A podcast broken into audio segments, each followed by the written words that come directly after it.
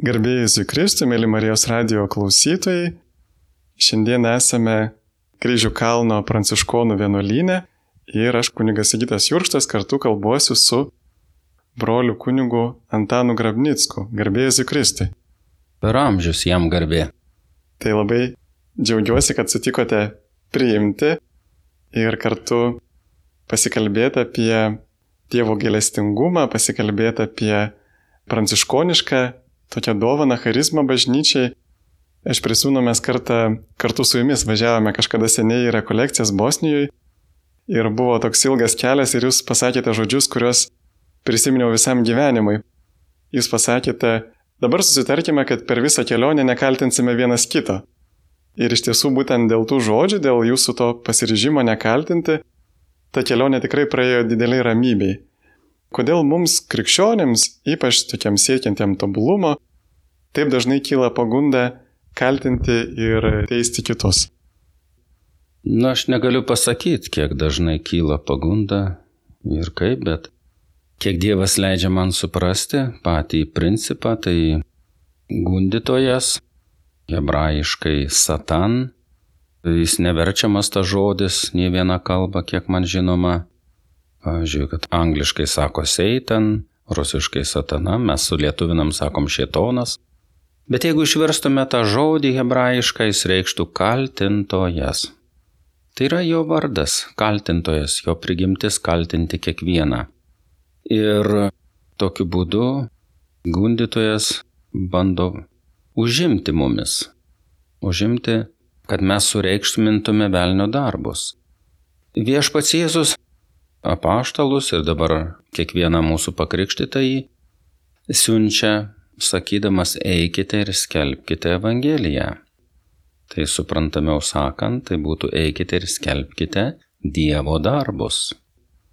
Ir mes turėtume apie tai kalbėti, kaip Mozė sakė, paskeldamas Dievo įsakymus. Ar kelsitės, ar gulsitės, ar keliausite, ar ilsėsitės, visada kalbėkite apie juos tai tas pats būtų kalbėti ir apie Dievo darbus. O tuo pačiu metu gundytojas kiekvienam žmogui į širdį kalba, kalbėkite apie mano darbus. Dievas, tardamas žodį, jis jo nekartoja, jis ištaria žodį visiems laikam. O gundytojas, pataikaudamas žmogui, kartoja savo kvietimą, kalbėkite apie mano darbus kiekvienam į širdį ir mes paklūstame, pradedam kaltinti kitus. Ir į ką norėčiau atkreipti dėmesį. Kiekvienas žmogus yra Dievo kūrinys. Tai reiškia, turim atsiminti, kad Dievas jų teisėjas. Žmogaus teisėjas yra Dievas. Ir man teisti žmogų nedėra, nes Jėzus taip ir yra pasakęs, neteiskite, kad patys nebūtumėte teisiami. Tačiau žmogaus darbai tai nėra Dievo darbai. Tai reiškia, kad aš galiu pilnai vertinti žmogaus darbą. Žmogaus neteisti, bet vertinti jo darbą ir atitinkamai elgtis. Va tai čia kiekvieną kartą bendraudami su žmonėmis mes turim samoningai tarsi atskirti žmogų ir jo darbus. Patį žmogų atiduoti Dievo teismui, o jo elgesį vertinti atitinkamai ir savo elgesiu bendravimu sakyti. Jeigu tu mane taip skaudini, va tokiu ir tokiu būdu aš noriu nuo tavęs pasislėpti ir ginsiuos tokiu ir tokiu būdu. Kada mes neužsipulsime, o išsakysime savo padėtį, savo širdies skausmą, tai tas labai svarbu. Dažniausiai mes gundytojo kviečiami, kaldinam ir nemokam atskirti to balso ir dažnai nurodinėjom, ką kitas žmogus turi veikti, koks jis yra, ką jis turi veikti, aptarinėjom. Ne jo elgesį, bet tiesiog patį žmogų kaip tokį. Tu toks visada, tai ten taip niekada nedarai ir panašiai tokia. O jeigu atskirtume žmogų nuo veiksmų savo širdimi, aš manau lengviau yra teisingus sprendimus daryti. Ir kada aš noriu išsakyti žmogui savo širdies išgyvenimą, tuo pačiu kalbu Dievo darbus, nes pasakau, kas su manimi vyksta. Kitas žmogus nežino, kas. Mes kiekvienas sprendžiam pagal savo jausmus, pagal savo nuotaiką, pagal savo išsilavinimą. Bet kurią situaciją vertinam tai, kas įvyksta mumise. Kito žmogaus širdyje, kas vyksta, mes nežinom. Todėl mums naudinga kitą supažindinti, kas mano širdyje vyksta, bet nekaltinti, kad tu toks ir anoks negeras. Tiesiog išdėstyti savo padėtį ir palikti žmogui spręsti. Ir jeigu mes pasakom ar vaikui, ar suaugusiam, jeigu tu elgsies taip, aš taip elgsiuos, jeigu tu taip elgsies, aš kitaip elgsiuos, aš manau, kad be kaltinimo galima šitokiu būdu suderinti savo veiksmus ir gyventi taikoje. Tai nėra labai sudėtinga. Sunkiausias dalykas bendravime, kada suabsoliutinama, Ir dažnai, kaip toj dainoj, sudegina tiltus, nepalieka galimybės grįžti. Dievas visur ir visada mūsų laukia grįžtančių, niekad nepanaikina jokios galimybės grįžti. Tad jeigu mes paniekinam žmogų, galimybė grįžti jį priimti atgal labai sunki. Bet jeigu mes mylim žmogų, o nemėgstame nuodėmės ir jo netinkamų darbų, tuomet jo sugrįžtant laukti labai nesunku, nes tai reikia tik tai, kad jis to darbo nedarytų ir nuostabiausius gali mūsų širdį išaukti jausmus. Taip, jis iš tikrųjų labai tokia priminė gilę tiesą, kad mes irgi nežinom, kas vyksta kitame ir kad labai svarbu vis dėlto pasakyti tą tiesą, kaip Jėzus sakė, kad pabark prie keturių akių. Ne už akių, bet tam žmogui aš prisimenu vienas artimas žmogus man kartą yra pasakęs, Sako, kai ateinu pas tave, sako, jaučiu didžiulį pyktį, kad tu nenori, kad aš būčiau šalia. O iš tikrųjų man kildavo toks nekantrumas, bet aš niekada nežinojau, kad tas žmogus tai jaučia ir kad tai taip stipriai sužeidžia. Ir man tas jo pasakymas buvo proga atgailai, proga atsivertimui. Tai čia iš tikrųjų, kaip irgi kažkuris e, iš apaštalų sako, kad turime iškelti į šviesą. Na, jeigu kažviesa smerkia, tas nebėra tamsa pasakyti tuos tamsus darbus, bet kaip čia būna, kad kartais vėlgi ta pati piktoji dvasia mus apgauna ir mums liktai atrodo, kad kitas žmogus blogai elgesi ir mes išsakom, bet va tas melo tėvas mus apgauna ir mes tada pasakydami kitą įžeidžiam, nes nuteisiam jo intencijas. Stebėti kito žmogaus valią yra labai svarbus dalykas. Jeigu mes važiuojame autobusu ir vairuotojų pastabdžius dėl kliūties. Ir jeigu užmina mums ar mes užminam kam nors ant kojos, pats faktas jau kelia konfliktą, įvyko kažkas nemalonaus. Bet jeigu žiūrėsime žmogaus intenciją, ar jis tikrai norėjo man užminti, ar aš norėjau užminti, pamatysim, kad nebuvo noro. Tai reiškia, nėra prasmės kelti konfliktų tokiu atveju, reiktų tiesiog įvertinti pačią intenciją ar žmogus norėjo. Taip ir daugybė klausimų išsispręstų, bandant įsiaiškinti, ar tikrai žmogus netinkamo dalyko norėjo. O visi tie įvykę dalykai, jeigu mes šaukiamės Dievo pagalbos, manau, kad turėtų padėti kantrybėje ugdyti galimybę aukti dvasioje, šlovinti viešpatį. Mūsų laikmetis dabar yra toks. Aš kiek suprantu, kiek Dievas man leidžia suprasti, tai yra žmonijos išlikimo klausimas sprendžiamas. Mes turime šauktis Dievo gailestingumo. Ir klausimas kyla, kiek kartų per dieną mes turėtume šauktis.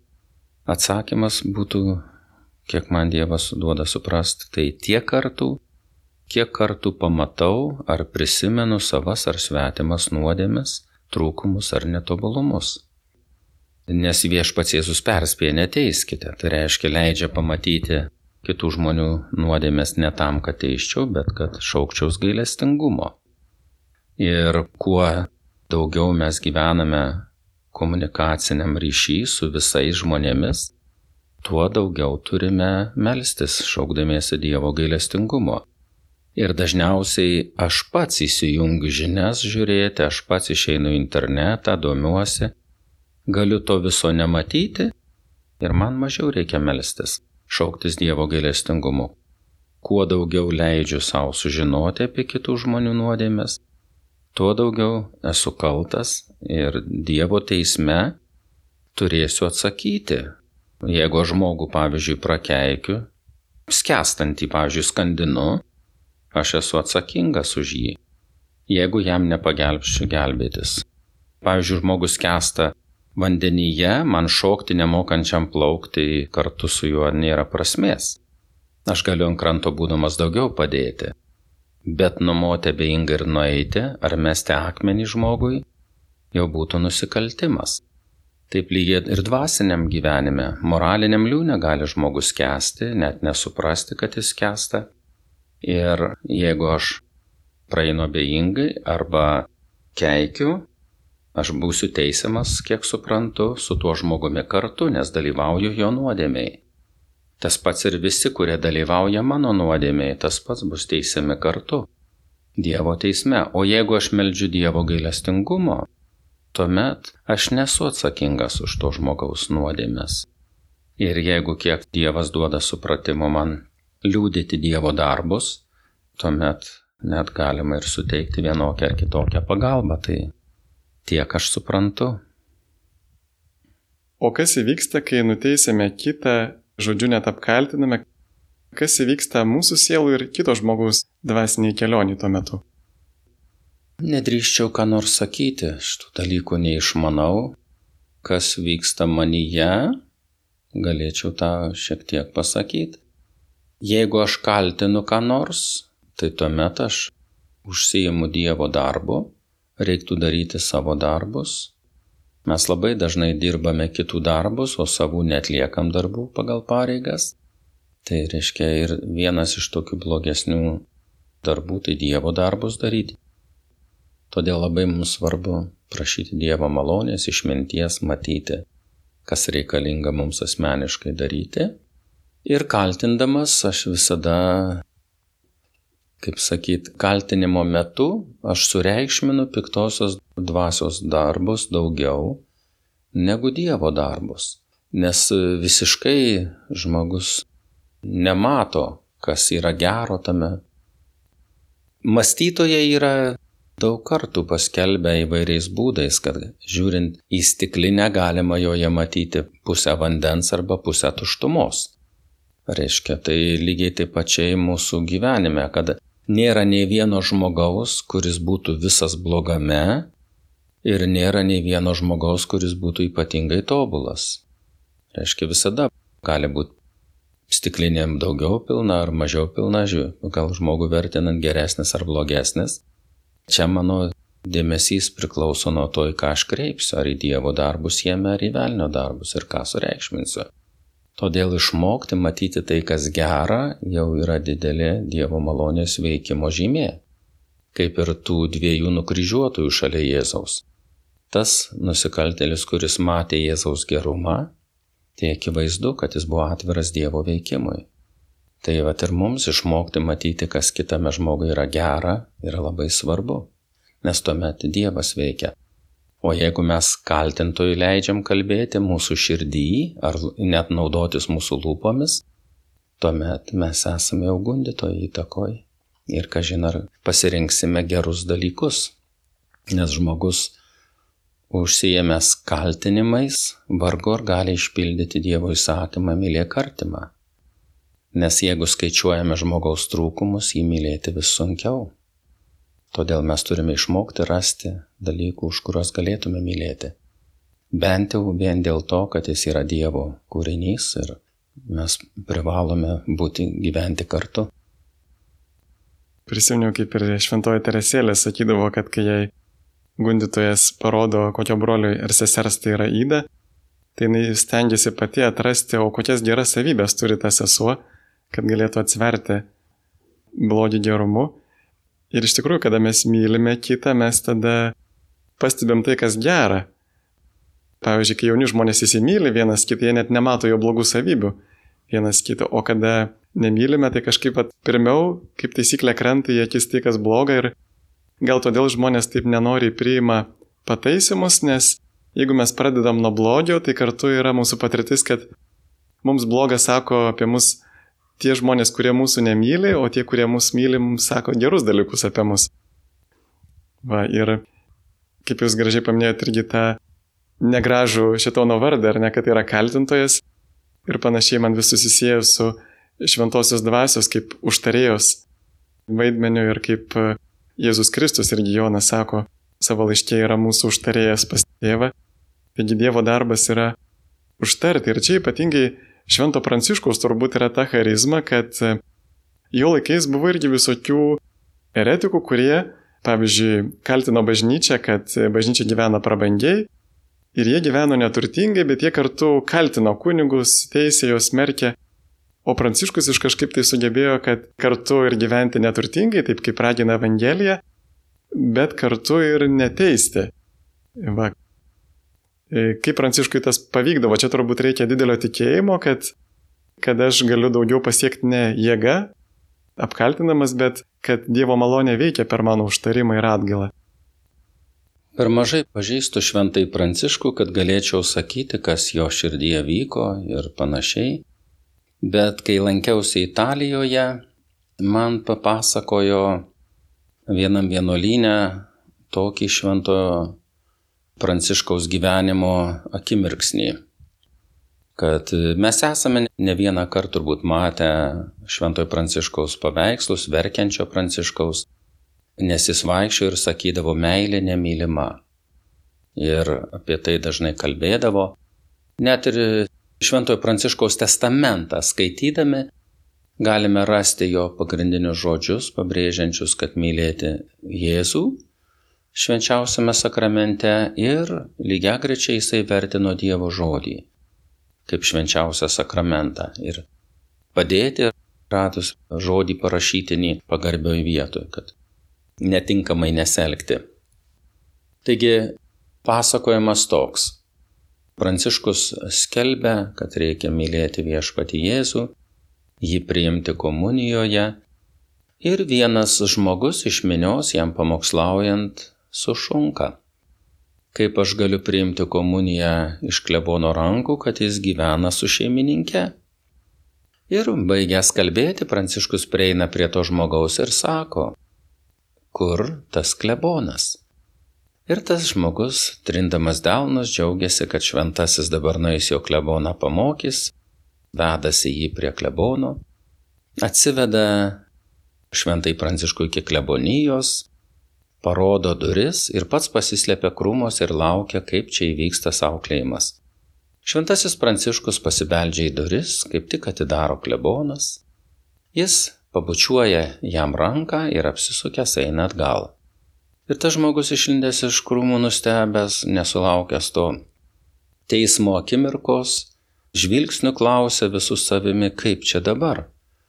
Ir šventasis pranciškus, matydamas jo klausimą akise, ramiai atsako, aš atėjau visą šitą kelionę su tavimi, kad Dievui ir tam kunigui padėkočiau už švenčiausio sakramento malonę, nes per jo rankas ateina viešpats Jėzus ir aš galiu jį priimti, su juo vienytis, o už savo nuodėmės jis atsakys pats.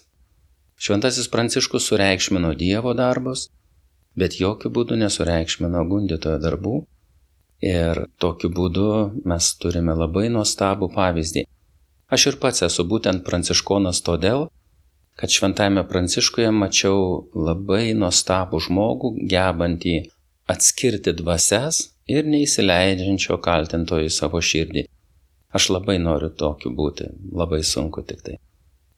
Ir kartu ir lengva, ta prasme, kad Jėzus sako, kad mano jungas švelnus, mano našta lengva, kalba apie va, tą romį ir nuolankę širdį. Ir turbūt yra didelės naštos nusimetimas nuo savęs, kai mes e, nustojame kitus teisti, kaltinti, kai mes žinom, kad tiesiog mums reikia daryti gerą, vykdyti Dievo valią. Ir jau Dievas teisingai nuteis kitus žmonės. Ir iš tikrųjų turbūt yra didžiulės naštos nusimetimas ir palengvinimas gyvenimo, bet e, ir visgi kaip mums tada pasiekti teisingumą, jeigu visą laiką esam tik tai gailestingi bet ir atrodo kažkuris iš apaštalų sako šventajame rašte, kad pašalinkite piktadarį iš savo pačių tarpo, visgi, na, kaip tada kovoti prieš blogį, Va pavyzdžiui, kad ir šituo atveju, kaip to žodžiu suprasti, pašalinti piktadarį iš savo pačių tarpo. Grįžtu prie anksčiau išsakytos minties, kad reikia atskirti žmogų ir jo darbus. Žmogus yra Dievo teisiamas ir Dievas jo teisėjas. O žmogaus elgesys yra tikrai privalomas mūsų vertinimo. Mes negalim nevertindami elgesio gyventi. Mes turim ir apsispręsti, ir būti kartu. Nes jeigu mes priimam žmogaus elgesį, mes norime būti kartu.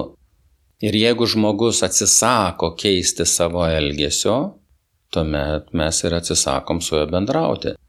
Tai taip mums šventas raštas ir moko, kad tegul tau būna jis pagonis ir muitininkas, jeigu nesutinka po perspėjimo prie keturių akių ar prie liudytojo pasikeisti savo elgesio. Tai žmogus jis tiesiog apsisprendžia būti kitų žmonių bendruomeniai. Nes mes pagal savo apsisprendimus visada kūrėme bendruomenės, tampame vieną su vienais ar kitais žmonėmis. Nes žmogaus vidinis sprendimas, panašiai kaip kryškeliai gatviai, taip ir dvasioje mes būname su vienais ar kitais žmonėmis pakeliui. Todėl aš puikiai esu patyręs, kad žmogus, jeigu keičia savo apsisprendimus, nusistatymus, keičiasi ir draugai.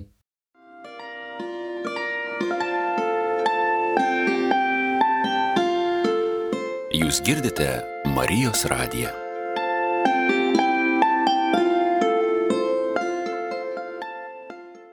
Gerbiami Marijos radio klausytojai, jūs girdite Marijos radio laidą, esame svečiuose pas pranciškonus, kalbame su broliu kunigu Antanu Grabnicku, prie mikrofono aš kunigas Sigitas Jurkštas ir šiandien kalbame apie kaltinimus kaltinimo dvasę, apie gailestingumą.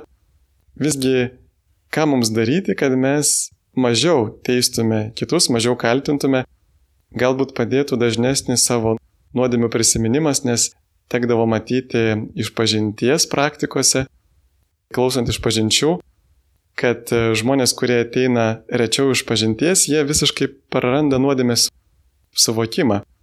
Jie pamiršta, kad yra nusidėliai Ir tuomet turbūt, kai neturi už ką atgailauti, kai neteisi savęs, tada pradedi teisti kitus.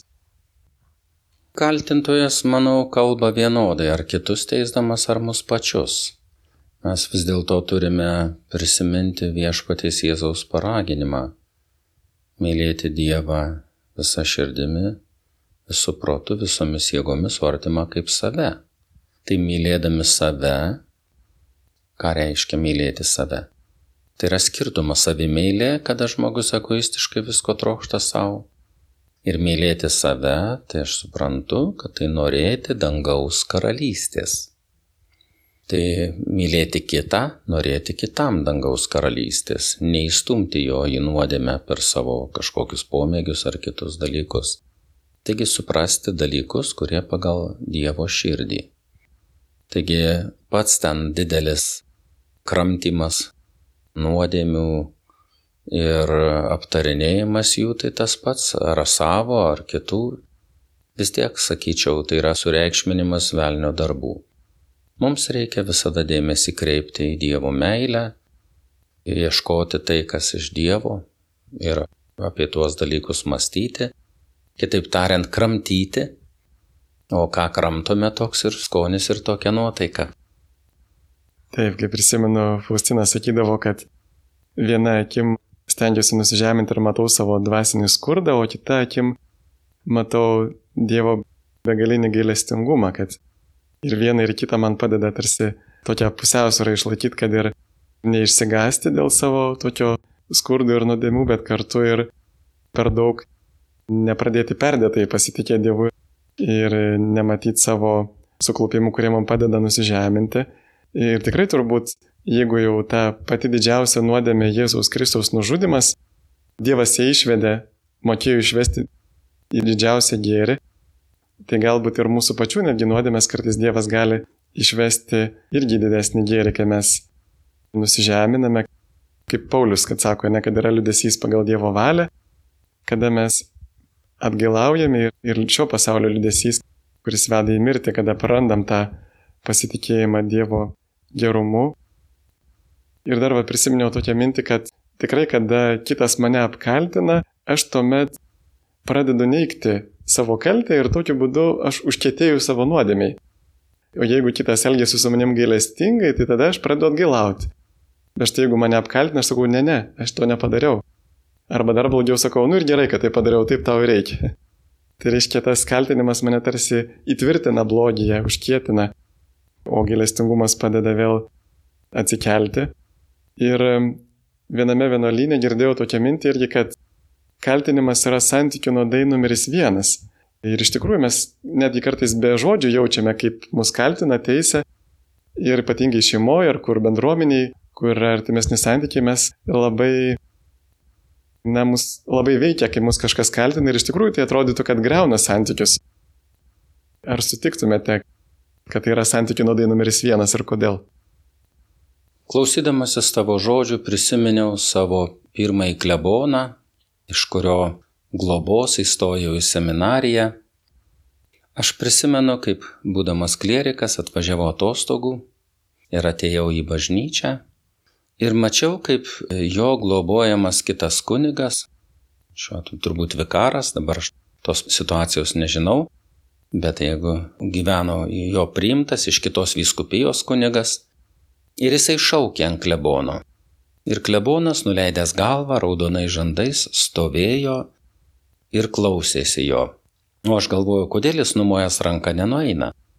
Ir kai baigėsi tas triukšmas, aš prie jo prieėjau ir paklausiau klebonę, kodėl tu jo klausėsi, juk galėjai numot ranką ir nueiti, kam čia to? Sako, aš norėjau, kad jis visus šovinius iššaudytų. Bet tai iš tikrųjų nesame tokie šventi, kad joks tu kaltinimo krislelis nepriliptų. Bet kada mes ne apie Dievą galvojam tuo metu, tada gundytojas dar labiau laužą kūreną. O šiuo atveju aš turėjau pavyzdį, kada nuolankiai priėmė ir daugiau aš tų konfliktų nemačiau. Su tuo pokalbiu ir užgeso viskas, bet dėka, mat būtent to klebono, kuris sugebėjo kantriai išklausyti. Taip, aš tikrai prisimenu ir atrodo patarlių knygoje, atrodo yra tokia irgi mintis, kad kas nusižemina, nuolankiai priima pataisimą, tas neša taiką, bet kas nepriima pataisimų, tai tas kaip tik sukelia nesantaiką. Tai iš tiesų turbūt turim išmokti tą tokį ir pažeminimą paversti nusižeminimu ir kada mes pripažįstame savo kaltę, tai tada yra lengviau kitam žmogui atleisti, bet kartais būna, aš prisimenu tokią atvejį, kada jaučiausi neteisingai apkaltintas, mano automobilis sugedo ir aš jį palikau ant šalygatvio, bet ant šalygatvio todėl, kad jisai netrukdytų kitom mašinom pravažiuoti. Ir dar uždėjau raštelį, kad sugedo, Ir vis tiek policija nubaudė. Ir aš tada labai supykau, kad mane neteisingai nubaudė, bet kas man padėjo, na, atsileisti, tai būtent prisiminimas, kad buvo daug daugiau kartų, kada manęs teisingai nenubaudė. Kada nepagavo, kada, pavyzdžiui, greitai viršiau ir panašiai. Taigi kartais tikrai galim prisiminti, kad yra ir kitų kalčių, kurių galbūt kitas žmogus nemato ir už ką aš tikrai esu vertas jas priimti. Na, šiuo atveju dėl automobilio tai pirmiausia reikėtų žiūrėti bendros tvarkos ir bendrų taisyklių ir tuomet vertinti ne pagal savo nuotaiką. Todėl čia sunku dabar mums bekalbant įvertinti, bet mano manimo, kad kaltinimai, kurie ateina, kad ir neteisingi, neturėtų būti sureikšminami per daug piktosios dvasios darbai. Tiesiog kiekvieną akimirką, jeigu mes galvosime, sugebėsime prisiminti Dievą, būsime išsiugdę įprotį prisiminti Dievą. Nes taip būna gyvenime situacijų, kad tiesiog užmiršti, kad reikia šauktis Dievo. Ir savarankiškai pasilikdinami nuo Dievo, mes galime tik fiziniam pasauliu tvarką daryti. O gundytojas šiuo atveju negali būti nugalėtas fizinius dalykus tvarkant.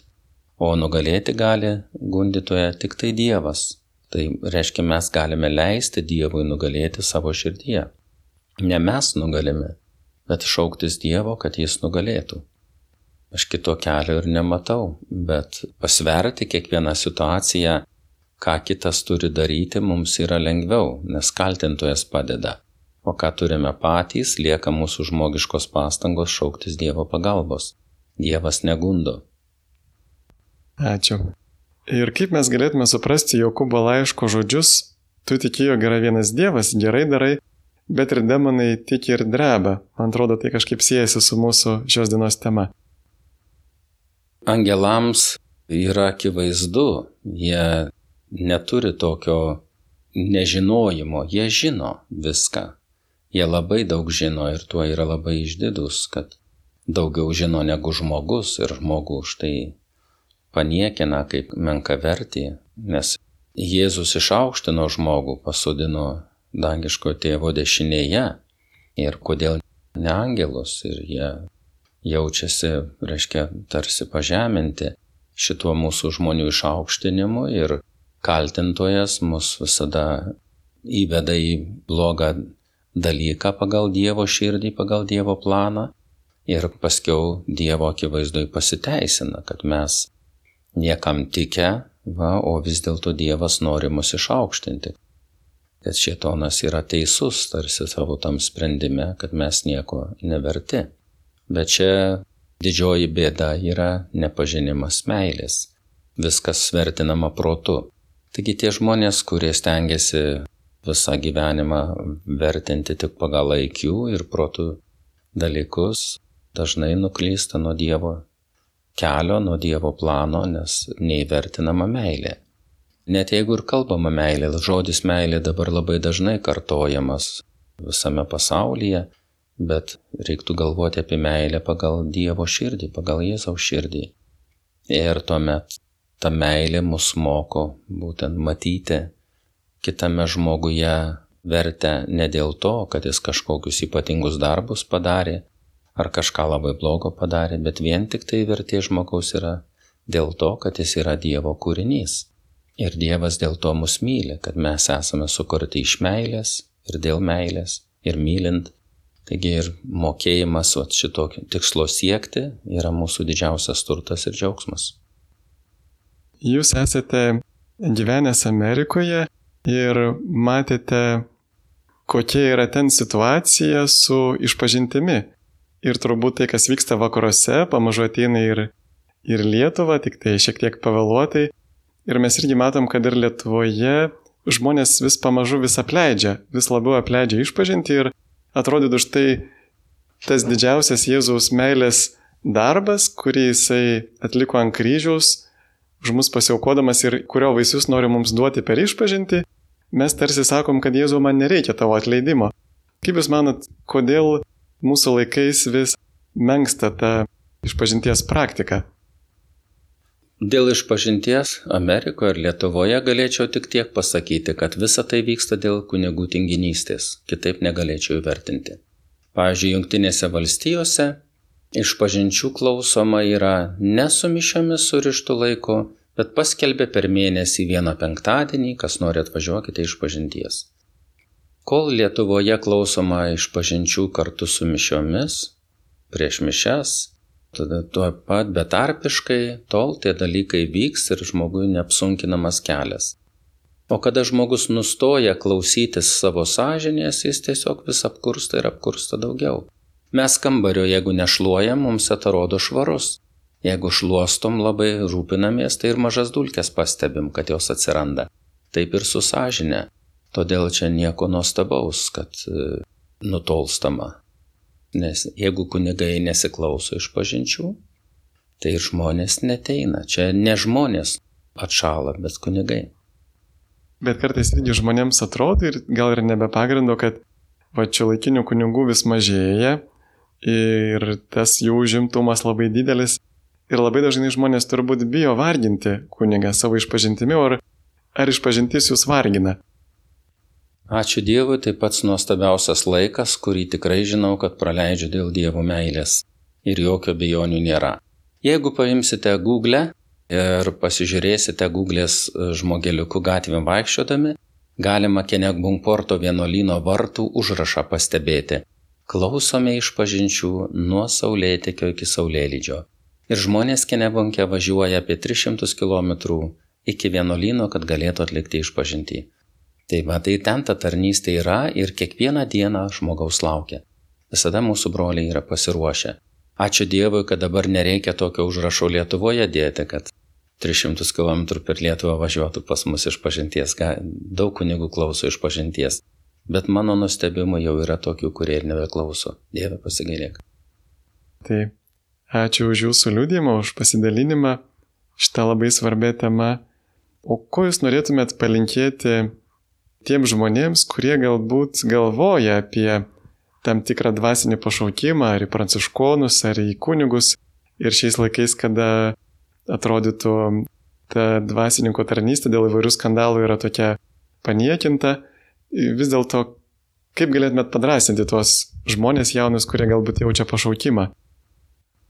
Mylėti Jėzų visada galime, bet kurioje situacijoje, kad ir koks mielas viešpats Jėzus buvo, visada buvo tokių, kurie jį spjaudė, niekino kalė prie kryžiaus. Tas pats laukia ir mūsų.